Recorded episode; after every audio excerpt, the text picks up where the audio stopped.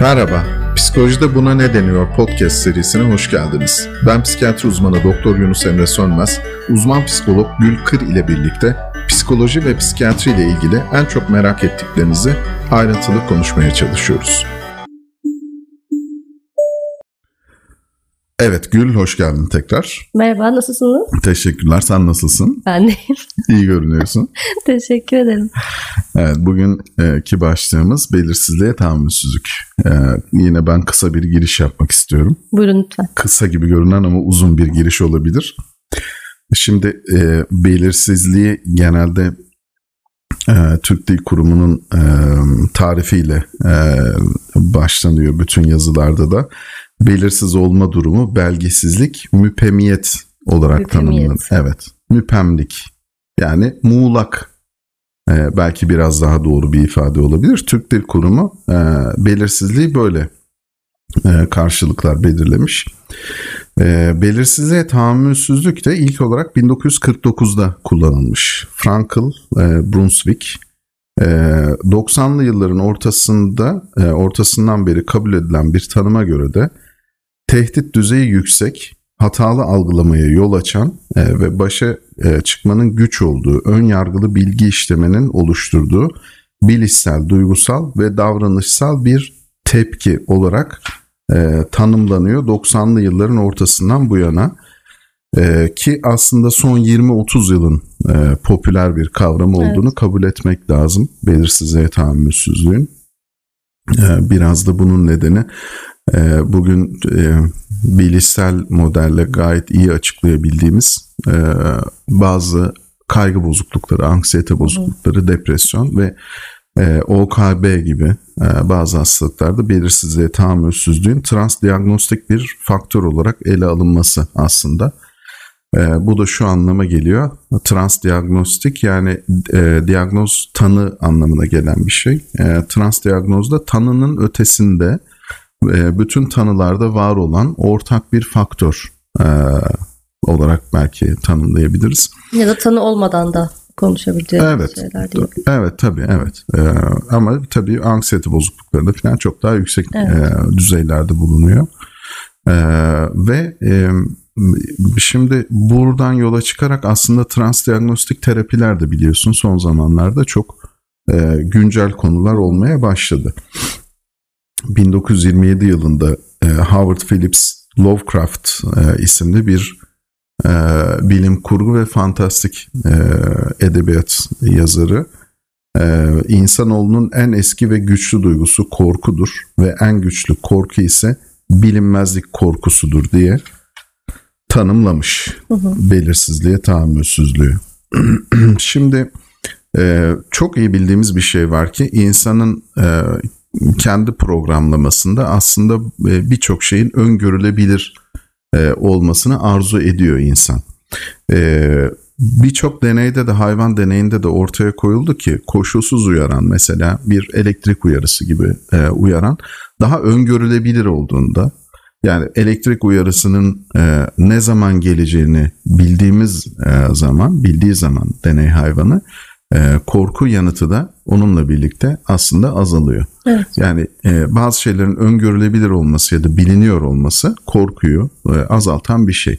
Yani e, belirsizliği azaltmak istiyoruz özetle ama Ya da belirsizlikten kaçmaya çalışıyoruz. kaçmaya çalışıyoruz. Bunu azaltmanın yollarını arıyoruz.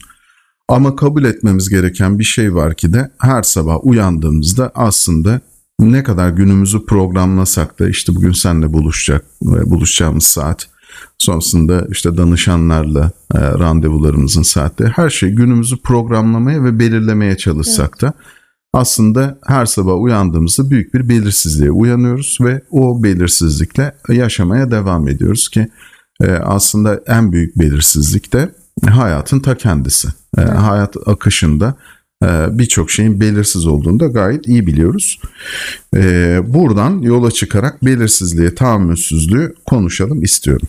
Ee, Şükrü Hoca'nın söylediği bir söz vardı hep. Ee, şunu söylerdi. İnsanı hayvandan ayıran şey aslında mantıklı düşünmesinden ziyade öleceğini bilip e, buna rağmen yaşamaya devam eden bir canlı olması ve ne zaman öleceğini bilmeden. E, buna katlanmak çok zor bir şey gerçekten. Yani sürekli bunu düşünerek yaşamak çok zor. O yüzden de genelde düşünmemeyi tercih ediyoruz ölüm kısmını. Aslında hocam şey de e, yani bu e, çok başlı başına başka bir başlık ve bence çok önemli bu söylediğin şey. E, çünkü e, ölüm gerçekten en büyük bilinmezlik evet. hayatımızda. Ee, ve eminim e, sorsak birçok kişi ne zaman öleceğinizi bilmek ister misiniz diye. Bence çok bilinmesi de bilmek de istemez herhalde insanlar. Evet, Öyle değil mi? Kesinlikle. Bu kadar bilinmezlikten kaçarken aslında en büyük bilinmezliğin ölüm olması bizi çok da rahatsız etmiyor. Evet belki de aslında yine buradan şimdi e, buradan yola çıkarak e, falcılık filan gibi şeylerin de popüler olmasını evet. da biraz anlayabiliyorum. E, ama bu da bir nevi e, aslında e, nasıl ifade etmek daha doğru olur bilmiyorum ama e, insanın işte o çabasıyla alakalı bir şey. E, bir de e, bu sektörde çok iyi yerleştirdiği başka bir şey de var. E, fala inanma ama falsız da kalma gibi bir mottoyu da çok iyi öğrettiler hepimize. E, ve aslında yaptığımız iş e, gerçek bir şey değil ama e, hoşunuza gidebilecek bir şey diye çok iyi pazarladılar bunları bu ya yüzyılda. Bir yandan da biraz alışkanlık da olmaya başladığı gibi bu tarz şeyler yani mesela günlük burç yorumu okumak gibi ya da mesela bir falım sakızı çiğnediğinde kabına hiç okumadan atabilir misin? Ay, evet mümkün değil. Evet mümkün değil yani bu inandığın için veya faldan çıkan sakızdan çıkan bir şeyin doğru olacağından değil ama bir alışkanlık e, yani e, bir şey dini inancı olsun olmasın olmasını istemediği bir şey ağzından çıktığı zaman üç kere tahtaya vurmak gibi. İşte dilini ısırmak gibi. Ve bunların hepsi aslında birer alışkanlık haline gelmeye başladı bize. Ama senin çevrende de var mı bilmiyorum ama benim çevremde var. Ee, günlük yaşantısını da ona göre organize eden var e, ve ben ne bileyim bir şey alacaksa satacaksa var maalesef e, ona göre evet. organize eden insanlar da yok belki değil. Belki retrosu varmış elektronik aletlerimize dikkat edelim gibi. evet, evet evet var. yani çok fazla. Mesela e, linçlenmeyelim astrologlar Yani ben astrolojiye bir şey söylemedim sen söyledin gibi. Ben yani. hiç asla ağzımı dahi açmadım. Peki burada aslında belirsizliğe tahammülsüzlükle ilgili en önemli olan şeyin aslında e, belirsizliği kabullenmek olduğunu ben düşünüyorum. Evet. Ee, ve e, aslında hayatımızın kontrol edebildiğimiz şeyleriyle kontrol edemediğimiz şeylerin Aynen. birbirinden iyi ayırmamız gerektiğini düşünüyorum. İnsanın bu kontrol etme arzusu yani kendi kontrolünde olabilecek veya olamayacak şeyleri ayıramama durumu ve e, kontrol edemeyeceği şeyleri de kontrol etme arzusu aslında bu belirsizliğe tahammülsüzlüğü artırıyor bana kalırsa. Bütün makalelerde geçen şey de bu aslında. Bilinmezlik e, bir tehlike sinyali insan için. Yani bir sürü şey olabilir bilinmezliğin sonunda. İyi bir şey olabilir, kötü bir şey olabilir. E, güzel bir sonuç çıkabilir, kötü bir sonuç çıkabilir. Ama insan zihni belirsizlik durumlarında genelde bunu tehdit olarak algılıyor ve farklı farklı senaryolar çiziyor. Yani mesela diyelim ki ben e, annemi arıyorum ve annem telefonunu açmıyor. Burada bir belirsizlik var. Annem ne yapıyor şu anda? Benim zihnim direkt şuna gidebiliyor. Çok büyük bir kaza geçirdi ve şu anda yaralı hastanede telefonu da kaza yerinde kaldı. Tabii ki bu bir kaygıya yol açıyor bu çizdiğim senaryo ve bu kaygıda eğer tabii ki bu şekildeyse eğer bu kadar yüksekse e, yaygın anksiyete bozukluğu dediğimiz bir bozukluğa kadar gidiyor. Evet bu telefon örneğini vermen iyi oldu aslında. Ee, çoğu zaman yaygın anksiyete bozukluğunda rastladığımız bir şey bu. Ee, biraz buradan psikiyatrik bozukluklardaki etkisini evet. de tabii konuşmuş oluyoruz. İyi oluyor o bakımdan. Ee, benim mesela öyle bir danışanım vardı. Ee, çocukları şehir dışında üniversitede okuyor ee, ve çocuklar e, yaşadıkları yerde okudukları yerde banyoya girerken mutlaka haber veriyorlar e, annelerine. Çünkü ararsa e, şey yapamaz, ulaşamazsa merak eder ve tekrar tekrar arar filan diye. Çünkü o tür durumlarda ya başka birilerini arama ya da işte başka şekillerde e, bütün mekanizmaları harekete geçirme filan gibi şeyler oluyor. Ee, ve çok telaşlanıyor ve bu sayede o telaşın da önüne geçilmiş oluyor. Ve bu insanların genelde böyle bir B planı, C planı gibi şeyleri vardı yani. Böyle bir durumda banyoya girerken haber verdi ve işte sonrasında 2 saat haber alamadı diyelim çocuğundan.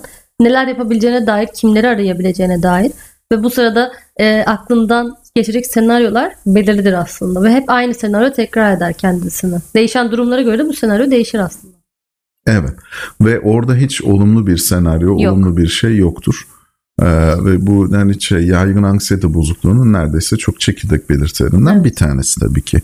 Şimdi bu belirsizliğe tahammülsüzlük biraz dedik ya 90'ların ortasında popüler olmaya başladı. Biraz da bu e, aslında son 20-30 yılın e, şeyin olması, kavramının olmasının nedeni biraz da teknolojiyle de alakalı olduğunu Kesinlikle. düşünüyorum ben. Çünkü yani e, artık bir şey bilmemek e, ya da haberimizin olmaması gibi bir şey çok mümkün olmuyor. Evet. E, çünkü internete giriyorsunuz, giriyorsunuz, bilmediğiniz bir şeyi arıyorsunuz ve anında öğreniyorsunuz. Yani e, bilinmezlik ya da bilmiyorum, e, bilemem kısmı e, son derece bu anlamda azaldı. Böyle olunca da bence biraz daha popüler bir kavram haline gelmeye başladı bununla ilgili olarak. Şimdi ben çoğu zaman danışanlarla e, neleri kontrol edebiliriz, neleri kontrol edemeyiz kısmını çok konuşuyorum. Bu böyle çoğu zaman sosyal medyada filan da e, rastladığım bir şey. E, böyle halkalar halinde Evet, e, çiziliyor. Kontrol alanlarım bu. Evet ve en içte kontrol edebildiğimiz çok dar bir çember var aslında ve onun içinde de genelde kendi duygularımız, düşüncelerimiz hatta belki duygu ve düşünceler bile bir miktar kontrolümüzde olmayabilir. E, istemli düşüncelerden bahsediyorum daha çok. Davranışlarımız aslında belki tamamen Davran- kontrol edebiliriz. Evet, tamamıyla öyle. Aslında e, üzerinde kontrolümüz olan tek şey belki de yüzde yüz kontrolümüz olabilecek tek şey kendi davranışlarımız. Onun dışındaki her şey ama her şey bizim kontrolümüz dışında olan şeyler. Şu çok bana korkunç geliyor. Bedenimin içinde bir şeyler var. E, kan pompalayan ve e, işte benim nefes almama ve işte bütün organlarımın çalışmasını sağlayan bir şey var kalbim. Ve ben onun kontrolünden e, şey değilim. Kontrol edemiyorum. Yani biraz hızlı çarp, biraz yavaş çarp. Ya biraz dinlen sen de çok yoruldun diyemiyorum kalbime. Zihnim için de aynı şey geçerli. Bağırsaklarım için de aynı şey geçerli. Ama e, kalbim çok çarptığında da mesela ya ne yapalım onun da canı böyle istemiş bunu kontrol edemem deyip de oturmuyoruz değil mi? Doktora gidiyoruz. Sen sanırım buradan e, panik bozukluğuna bağlamak istiyorsun. Evet aynen öyle yani. Çünkü panik bozukluk dediğimiz şey yani daha doğrusu panik atak dediğimiz şey e, bedenimizde bir belirti olunca bu belirtiyi yanlış yorumlamamız ve bununla baş edemeyeceğimizi düşündüğümüzde ortaya çıkan tabloya biz panik atak diyoruz teknik olarak. Dolayısıyla bedenimde bir şey oluyor ve ben bunu yönetemiyorum. Aslında panik bozukluğunun çok önemli başka bir ayağı daha var Ee, ve e, belirsizlikle işin o kısmının biraz daha fazla ilişkili olduğunu düşünüyorum ben. Ee, bu atakların e, ne zaman tekrar geleceği, Evet. ne zaman olacak, nerede olacak, burada mı olacak, uyurken mi olacak, Ee, o Ya beklent şurada olursa? Evet ya böyle olursa ya e, eğer zaten hani bir kaygı bozukluğunun da altyapısını oluşturan bir düşünce kalıbı. E, atağın kendisinden çok çoğu aslında hastada o beklenti anksiyetesi dediğimiz o ataklar arasındaki tekrar ne zaman olur olur mu olmaz mı kısmı aslında daha çok e, rahatsız ediyor hastaları diye düşünüyorum. Çünkü atakların bir şekilde geçeceğini bir süre sonra öğreniyorlar. 10-15 dakika sonra geçtiğini ve bittiğini biliyorlar ama ataktan sonra oluşan o e, yine olursa, ya şurada olursa, burada olursa, evden çıkmayayım en iyisi vesaire gibi düşünceler daha çok yorucu oluyor hastalar için. Peki yaygın anksiyete bozukluğu ve panik bozukluğu ile ilgili aslında biraz bahsetmiş olduk e, bu vesileyle. E, biraz tabii OKB'nin de önemli belirtilerinden. Çok çok önemli belirtilerinden bir tanesi. Evet. Ee, özellikle şüphe emin olamama türündeki takıntılarla ilgili. Şimdi bununla ilgili e, hafta sonu başıma şöyle bir şey geldi. Bir e, ablam beni aradı hafta sonunda ve şehir dışındayım. Ocağı açık bıraktım mı, e, kapattım mı emin olamıyorum. Da. Hep böyle olur ya, ütüyü Hı hı. fişten çektim mi diye mesela kafamıza çok takılır. Ya da acaba çaycıyı kapattım mı diye. Anahtarımı aldım mı?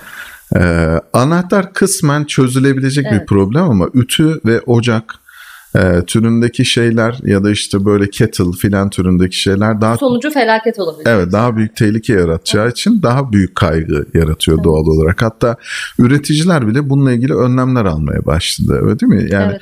kettle'lar ya da işte çaycı e, Ben de kötü bir yoldan öğrendim bunu. Ütüyü fişten. Meğersem çalışmayı bırakıyormuş bir süre sonra Allah'tan. Yoksa gerçekten 12 saat falan fişte takılı kalmıştı. Evet, üreticiler de artık Evet. bunu çözüm aramaya başladılar ama hafta sonu şöyle şöyle bir şey oldu. Ablam beni aradı dedi ki ocağı açık bırakıp bırakmadım bilmiyorum. Bende de e, tabii önceden e, bir e, onun evinin yedek anahtarı var. Buna bir önlem zaten e, aylar öncesinden alınmıştı. E, ve aslında bana şöyle dedi ya bir eve gidip bakmam mümkün mü acaba? Ben de ona dedim ki e, gideceğim bakacağım. Çok büyük ihtimalle ocağı açık bırakmadın. Ocak kapalı olacak. E, ama bunu bir daha yapmayacağım. E, bu her şeyden yüzde yüz emin olmayı bekleyemeyiz ve e, bu yüzde yüz emin olmadan hayatımızı devam ettirmek zorundayız. Evet. E, bu tabii e, çok daha ileri boyutlarda bir obsesif bir şeye de e, dönüşebiliyor ve e, işte e, çıkmadan evden çıkmadan önce ocağın fotoğrafını çekmek ya da evet. işte ocağı elle kontrol etmek, defalarca gözle kontrol etmek filan gibi şeyler. Ya da gazı kesmek direkt evden çıkarken. Evet ve Hı. bu kontrolleri yapmaktan e, yapmak nedeniyle evden çıkamamak evet. e, filan gibi bir duruma dönüşebilir. OKB'de özellikle e, şüphe türündeki e, takıntılarında e, ana eksenini yine bu belirsizliğe tahammülsüzlük oluşturuyor. Evet. Buna ekleme yapmak istediğim bir şey Ve var mı? Ve bu kontroller arttıkça da aslında bu obsesyon da artıyor. Yani açık bıraktım bu düşüncesi artıyor. Çünkü bir süre sonra siz diyelim ki her seferinde kontrol etmeye başladınız bunu ablanız yokken. Bir süre sonra şuna dönüşebiliyor.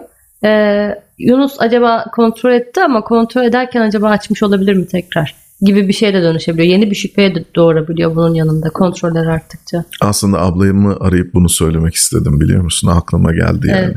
O daha fazla şüphesini arttıracağı için belki de. Ama bunu ona yapmak istemedim. ben biraz daha acımasız olabiliyorum bu durumlarda. Şunu yapabiliyorum yani. Evet gidip kontrol edeceğim evin yanmasın diye. Ama bunu hiçbir zaman bilmeyeceksin. Açık mıydı kapalı mıydı? Yani hmm. bu belirsizliğe biraz daha tahammülünü sağlamak için. Ama e, yani e, eve gidip kontrol ettikten sonra açık olsaydı açık evet. bırakmayacağını herhalde tahmin eder. Ama belki de açık bıraktı ve hep bırakıyor açık işte. Hmm. Ha anladım. Açık bırakıp bırakmadığını evet. e, söylemeyeceğim anlamında evet, Çünkü söylüyorsun. yani hastalara bunu sormanın pek de bir e, aslında geri dönüşü olmuyor. Hiç bunu yaptığınız oldu mu daha öncesinde? Ütüyü fişi unuttunuz mu? Ocağı açık bıraktınız mı? Hayır böyle bir şey yapmadım. Peki neden bundan korkuyorsun dediğinde orada aslında ya, unutkanlığından falan değil. Bir anlık bir hatayla unutmuş olabileceğini düşündüğü için belki de böyle bir şey yapma ihtimali var. Yüzde birlik bir ihtimal bile olsa onlar için çok tehlikeli bu. İşte bir hani bilinmezlik dedik ya e, bir belirsizlik, bir tahammülsüzlük yaratıyor. Bunun en büyük sebeplerinden bir tanesi işte o yüzde sıfır birlik ihtimal bile varsa tehlike için bu direkt zihin tarafından tehlikeli olarak yorumlanıyor. Evet o e, yani e, işte kaygı bozukluğunun da altyapısını oluşturan şey aslında düşünce tarzı da buna benzer. Yani evet. dünya tehlikeli bir yerdir. Ee, ve ben bu tehlikeleri önlem alarak e, en azından önlem alma e, almak mümkün olmasa bile başıma gelebilecek kötü şeyleri e, hayal edip düşünerek bunlara kendimi hazırlayabilirim evet. e, ve bunlardan kendimi koruyabilirim gibi. Tedbir e, almaya yönelik hareketler. Evet aslında yanlış bir e, inançtan bahsediyoruz. Hı. Bunun dışında belki bir de sağlık anksiyetesi bozukluğundan bahsedebiliriz. Psikiyatrik bozukluklarla ilişkili olarak ne dersin? Evet onu da yine aynı şekilde kontrolle alakalı bir e, sıkıntı olabilir. Yani aynı zamanda e, yine hani panik bozukluğuna benzer şekilde insanın vücudunda e, olan e, herhangi bir hastalığa bağlı olmayan bir belirtiyi katastrofik çok yıkıcı şekilde yorumlamak ve e, bunun bilinmezliğiyle e, baş etmekte güçlük çekmek aslında. Çünkü vücudumuzda bir gün içinde bir sürü şey olur. E, bir sürü farklı şey olur aslında. E, ve bunların çoğu bir hastalığa bağlı değildir. Ee, buna tahammül etmek ve bu bilinmezliği, bu belirsizliği e, bu şekliyle kabul etmek gerekiyor.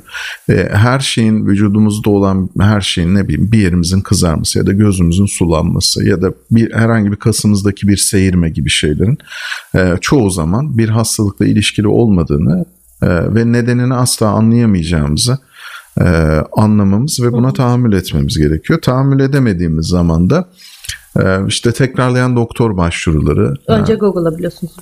Google doktoruna sorma. Belirtileri yazıp işte her şeyin kanseri olduğumuzu evet. öğrenme. Tabii o, o zaten o en baştaki. Ya da bipolar. Psikiyatrik hastalıklarda da. Evet çok fazla sorun oluyor evet. değil mi? Bipolar mıyım ben evet. diye.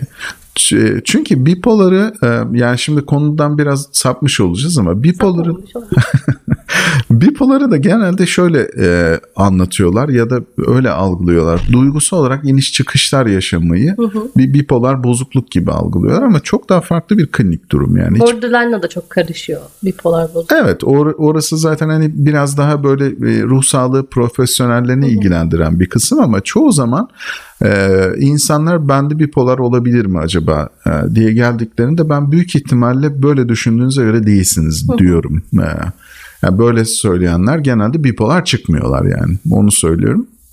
Ee, Google'da aramayla ilgili olarak her zaman şunu öneriyorum. Yani baş ağrısı yazıyorsunuz, beyin tümörü çıkıyor. Yani ne bileyim Ki doğru da bu arada yani beyin tümörünün semptomu değil mi baş ağrısı? Yani? Doğru ama baş ağrısının ne kadarı Evet. e, şimdi oransal olarak belki milyonda iki tanesi üç tanesi filandır yani beyin tümörü e, olabilecek. Ya da karın ağrısı yazıyorsunuz çok daha e, Apandisit patlaması. ve çok daha makul ve sıradan nedenleri yani mesela gaz sancısı filan gibi nedenlerdense tabii orada biraz seçici dikkat de önemli. Yani daha çok kaygılı olan e, insanlar biraz şey oluyor tabii. Daha çok böyle kanser gibi daha böyle yıkıcı şeylere konsantre oluyorlar ve onları çekiyorlar oradan ama e, sonuçta çok daha yaygın nedenleri varken çok daha az görülecek nedenlere odaklanmak ve böyle bir anksiyete geliştirmek mümkün olabiliyor. Sonra da doktor doktor gezmeye başlıyorlar. Onu söyleyecektin galiba. Evet, e, tekrarlayan tetkikler, tahliller ve çoğu zaman e,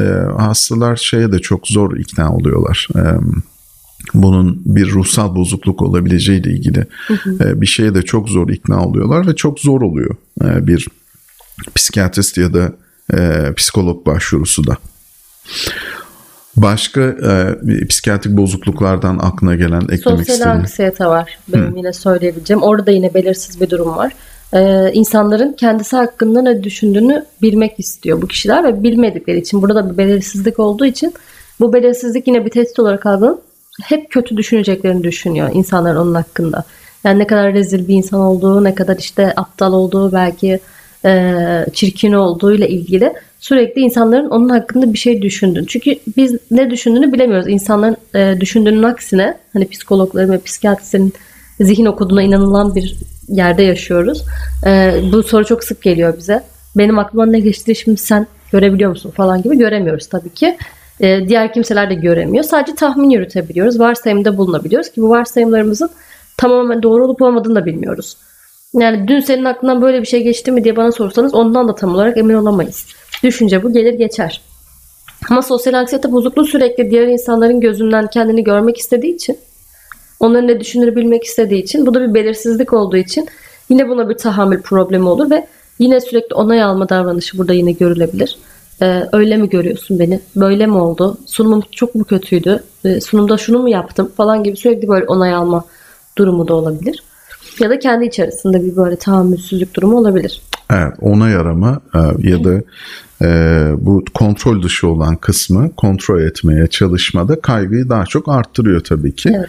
E, sosyal anksiyete bozukluğuyla ilgili özellikle belki şeyi de vurgulamak lazım. Evet oradaki insanlar ne bileyim e, herhangi bir tanesi bizim hakkımızda olumsuz bir şey de düşünmüş olabilir. Yani ne biçim konuşuyor da e, diye de düşünmüş olabilir ama bu o kadar da kötü bir şey değildir. E, mutlaka herhalde konuşmak, eklemek gerekiyor bununla ilgili olarak. Buradan şuna da geçmek isterim aslında. E, insan ilişkilerinde de çok böyle bir belirsizlik. Özellikle romantik ilişkilerimizde mesela böyle bir belirsizlik vardır ve e, buna tahammül etmek de çok zordur değil mi? E, ve hani bazen insanlar mesela bu belirsizliği yaşamamak için ilişkiden de kaçınıyorlar. Günlük yaşantımızı, ilişkilerimizi de çok belirleyen bir şey. Bu belirsizliğe ne kadar tahammül ettiğimiz ya da edemediğimiz kısmı. Ne dersin bu konuda? Evet kesinlikle öyle. Özellikle romantik ilişkilerde dediğiniz gibi bayağı bir etkili belirsizliğe tahammülsüzlük. Ee, bu bağımlı ilişkilere vesaire de aslında sebep olabilen bir şey olabiliyor. Tam da onu söyleyecektim. Yani kötü giden bir ilişkiden e, ayrılamamak, e, kötü giden bir ilişkiyi bitirememek de biraz aslında bu belirsizliğe tahammül edememekle ilgili. Çünkü ayrılık sonrasındaki belirsizlik e, kısmından çoğu zaman kaçmak için e, insanlar kötü giden bir ilişkiyi de e, Hele devam. de altta yatan böyle bir depresif bir durumda varsa bana kimse bakar mı bir daha? Ben e, onun gibisini bir daha bulabilir miyim? Ben onun gibi bir, birini sevebilir miyim? Ya da o benim O beni sevdiği gibi başkası beni sever mi? Gibi bu belirsizlikler de tabii ki hep e, belirsizlik tehdit olduğu için hayır bunların cevabı da. Böyle birini bulamayacaksın bir daha. Bir daha seni kimse böyle sevmeyecek gibi düşünceler de oluyor. Evet ve e, günlük yaşantımızın işte sadece kişiler arası ilişkiler değil, e, günlük yaşantımızın her alanında birçok belirsizlik var ve bunlara tahammül edebildiğimiz evet. ölçüde hayatımızı sürdürmeye çalışıyoruz. Mesela bir e, işte bir biyopsi yapıldı, sonucunu beklemek mesela çok sıkıntılı evet. bir şeydir. Ya da mesela sınava girdik, çok iyi de geçtiğini biliyoruz. Belki hani her şeyi doğru yaptığımızdan e, emin olduğumuz halde sınav sonucunun gelmesi e, bizi çok heyecanlandıran bir şeydir ve o bekleme süreci de be, belli bir belirsizlik doğuruyor. Evet. E, çünkü en ufak bir orada bir e, hata yapılmış olma ihtimali. Çünkü kitapçıyı doğru işaretledim mi? E, konusu bile aslında bir belirsizlik e, ve yüzde yüz emin olmak hiç mümkün değil böyle evet. durumlarda. İşle alakalı da bunu her gün yaşıyoruz. Özellikle özel sektördeyseniz mesela. Bunu sürekli yaşıyoruz tabii ki. Özel sektörde nasıl bir daha çok yani insanlar belirsizlik yaşıyorlar? Yani daha böyle çalışma saatlerinizin çok e, kendi işiniz yani çok esnek olabileceği zamanlarda ya da e, Mesela bir devlet hastanesinde çalışırkenki randevularınız da şimdiki aynı değildir diye düşünüyorum. Evet ama devlet sen hiç devlet memuru olmadığın için devlet memuru olmanın belirsizliğini bilmediğin için önce Doğru. sana öz, özel sektörü söylüyorum sonra ben devlet memurunda nasıl belirsizlikler var onu da söyleyeceğim sana. Doğrudur tabii ki. Yani özel sektörde devletin farkı şu diye düşünmüştüm. Hani bizde mesela çok rahat iptaller olabiliyor ve biz hani çok uzun bir vaktimizi ayırdığımız için danışanlara bir saatlik bir zaman dilimi ayırıyoruz sonuçta. Ve o iptal olduğunda başkasını oraya almak, onu oradan çekmek vesaire zor olduğu için genelde o saatlerimiz boş kalıyor. Ama devlet hastanesinde mutlaka birisi oraya enjekte edilebiliyor diye düşünüyorum. Oradan alınıp oraya yapmaya bile gerek kalmadan üst üste olan randevulardan biri çekilebilir. Ee, devlette çalışırken ki en büyük belirsizliği söyleyeyim mi sana? Hı hı. Mesela bu beni çok rahatsız eden bir şeydi. Bir gün sabah işe gittiğinde e, seni e, çok uzak bir ildeki bir devlet hastanesine e, geçici görevle göndermiş olabilirler. Evet. E, bu çok insanın şeyini çok etkiliyor, çalışma motivasyonunu. Çünkü yani e, o kadar e, bir anda her şey değişebilir ki senin e, açından ve e, sen bunu ancak böyle önüne yazı geldiği zaman e, öğrenebilirsin. Başka evet. türlü öğrenmen mümkün değil. E, bu sadece hani e, şey gibi e, düşünmemek lazım. Yani doktorlar ya da sağlık çalışanları için değil, birçok devlet memuru için aslında Hı. durum böyle. Ankara'da çalışıyorsunuz ama birden Ardahan'a e, bir aylığına sizi geçici görevle gönderebilirler ve hemen o gün gitmenizi isterler evet. filan yani. Şimdi özel sektörde de tabii özellikle işin devamlılığı sürekliliğiyle ilgili bir belirli belirsizlik var. Çünkü e, biraz böyle işçiyi koruyan ya da çalışanı koruyan e, şeyler çok mekanizmalar zayıf aslında e, Türkiye için. E, o yüzden birdenbire kovulabilirsiniz. Mesela o gün sabah e, siz işte bir sürü kafanızda işle ilgili planlar yapıyorken e, kovulduğunuzu öğrenebilirsiniz evet. yani. Aslında buradan şunu da söylemek lazım. Özellikle e, gelişmiş şeylerde, toplumlarda ya da şöyle e, söylemek daha doğru olur. Hayatın daha kaotik olduğu ülkelerde belirsizlik biraz daha fazla oluyor. Ee, ve bu e, yani belli çalışma ve yaşama stilleri olmamasıyla ilişkili daha çok ve bu e, belirsizliği arttırıyor ve belirsizliğe bağlı ortaya çıkan kaygıyı da arttırıyor doğal olarak. E, daha işte her zaman aklımıza kaotik olmayan deyince daha kuzey toplumları ve kuzey ülkeleri geliyor ya oralarda biraz daha hayat daha dingindir ve daha belirlidir. E, bun mesela yani şöyle bir örnek verebilirim bununla ilgili olarak. E, Ankara'da mesela metroya girdiğinde de öyledir. Ee, bir sonraki e, trenin gelmesine işte iki dakika kaldı diye söyler ve iki dakika sonra gelir o. E, bu belirsizliği inanılmaz azaltan ve insan rahatlatan bir şey esasında ve kuzey ülkelerinde bunlar daha çok böyle yaygınlaştırmış evet. ve evet hayatın e, birçok e, alanında aynı şeyi görmek mümkün oluyor. E, her şeyin saati, dakikası çok belli oluyor ve herkes ona göre hareket ediyor. Ve herkes aynı muamelede uygulanıyor. Evet. O ve, da biraz etkili. Tabii burada. ki ve insan hani şey diye düşünmüyor yani bir e, bugün ne olacak, ne gelecek başımız acaba filan diye düşünmüyor tabii ki. Şimdi ilişkilerden ve günlük yaşama etkisinden de belirsizliğe tahammülsüzlüğün bahsettik ama bir yönüyle e, aslında merak uyandıran ve dikkati de arttıran bir şey. Evet. E, şimdi özellikle arkası yarın etkisi denen bir şey var biliyorsun. Hı hı. E, bir e, dizinin mesela sonunda bazı şeyler yarım bırakıldığında Evet. daha çok merak ediliyor ve daha çok hatırlanıyor. Bir sonraki bölüm daha çok merakla bekleniyor. Şimdi buna e, Zigarnik etkisi de deniyor bazı yerlerde. Zigarnik'in şöyle bir çalışması var.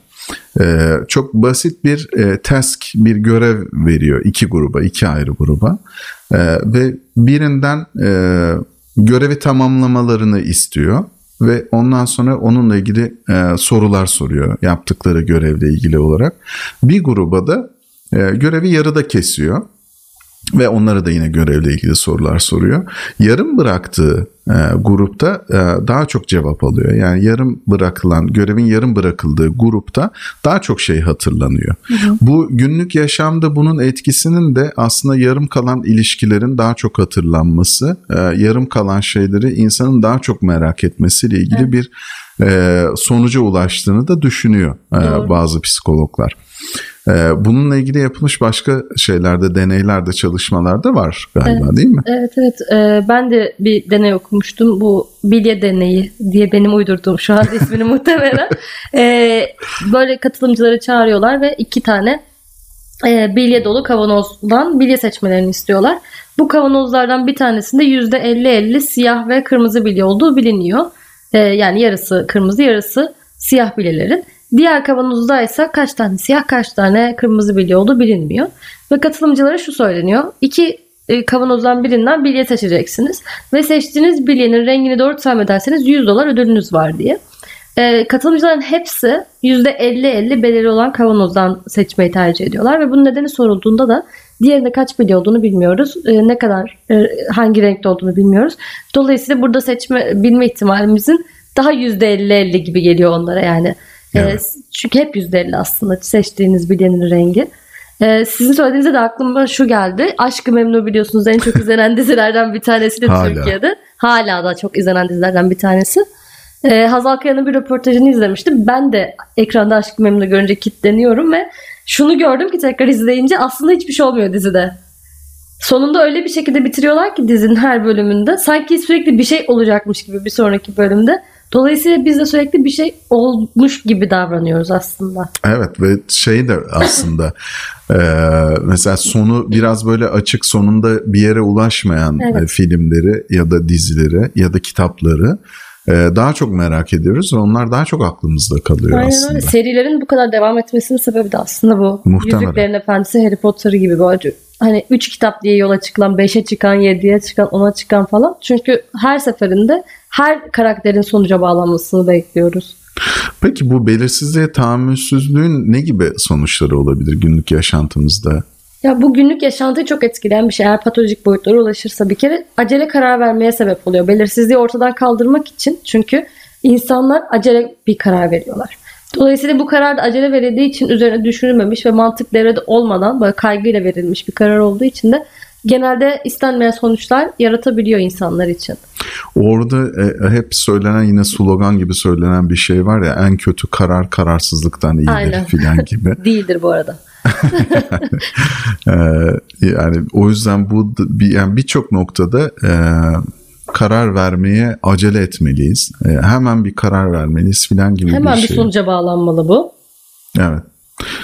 Ve eklemek istediğim başka bir şey var mı? Yok ben teşekkür ederim. Teşekkürler. Bitiriyoruz.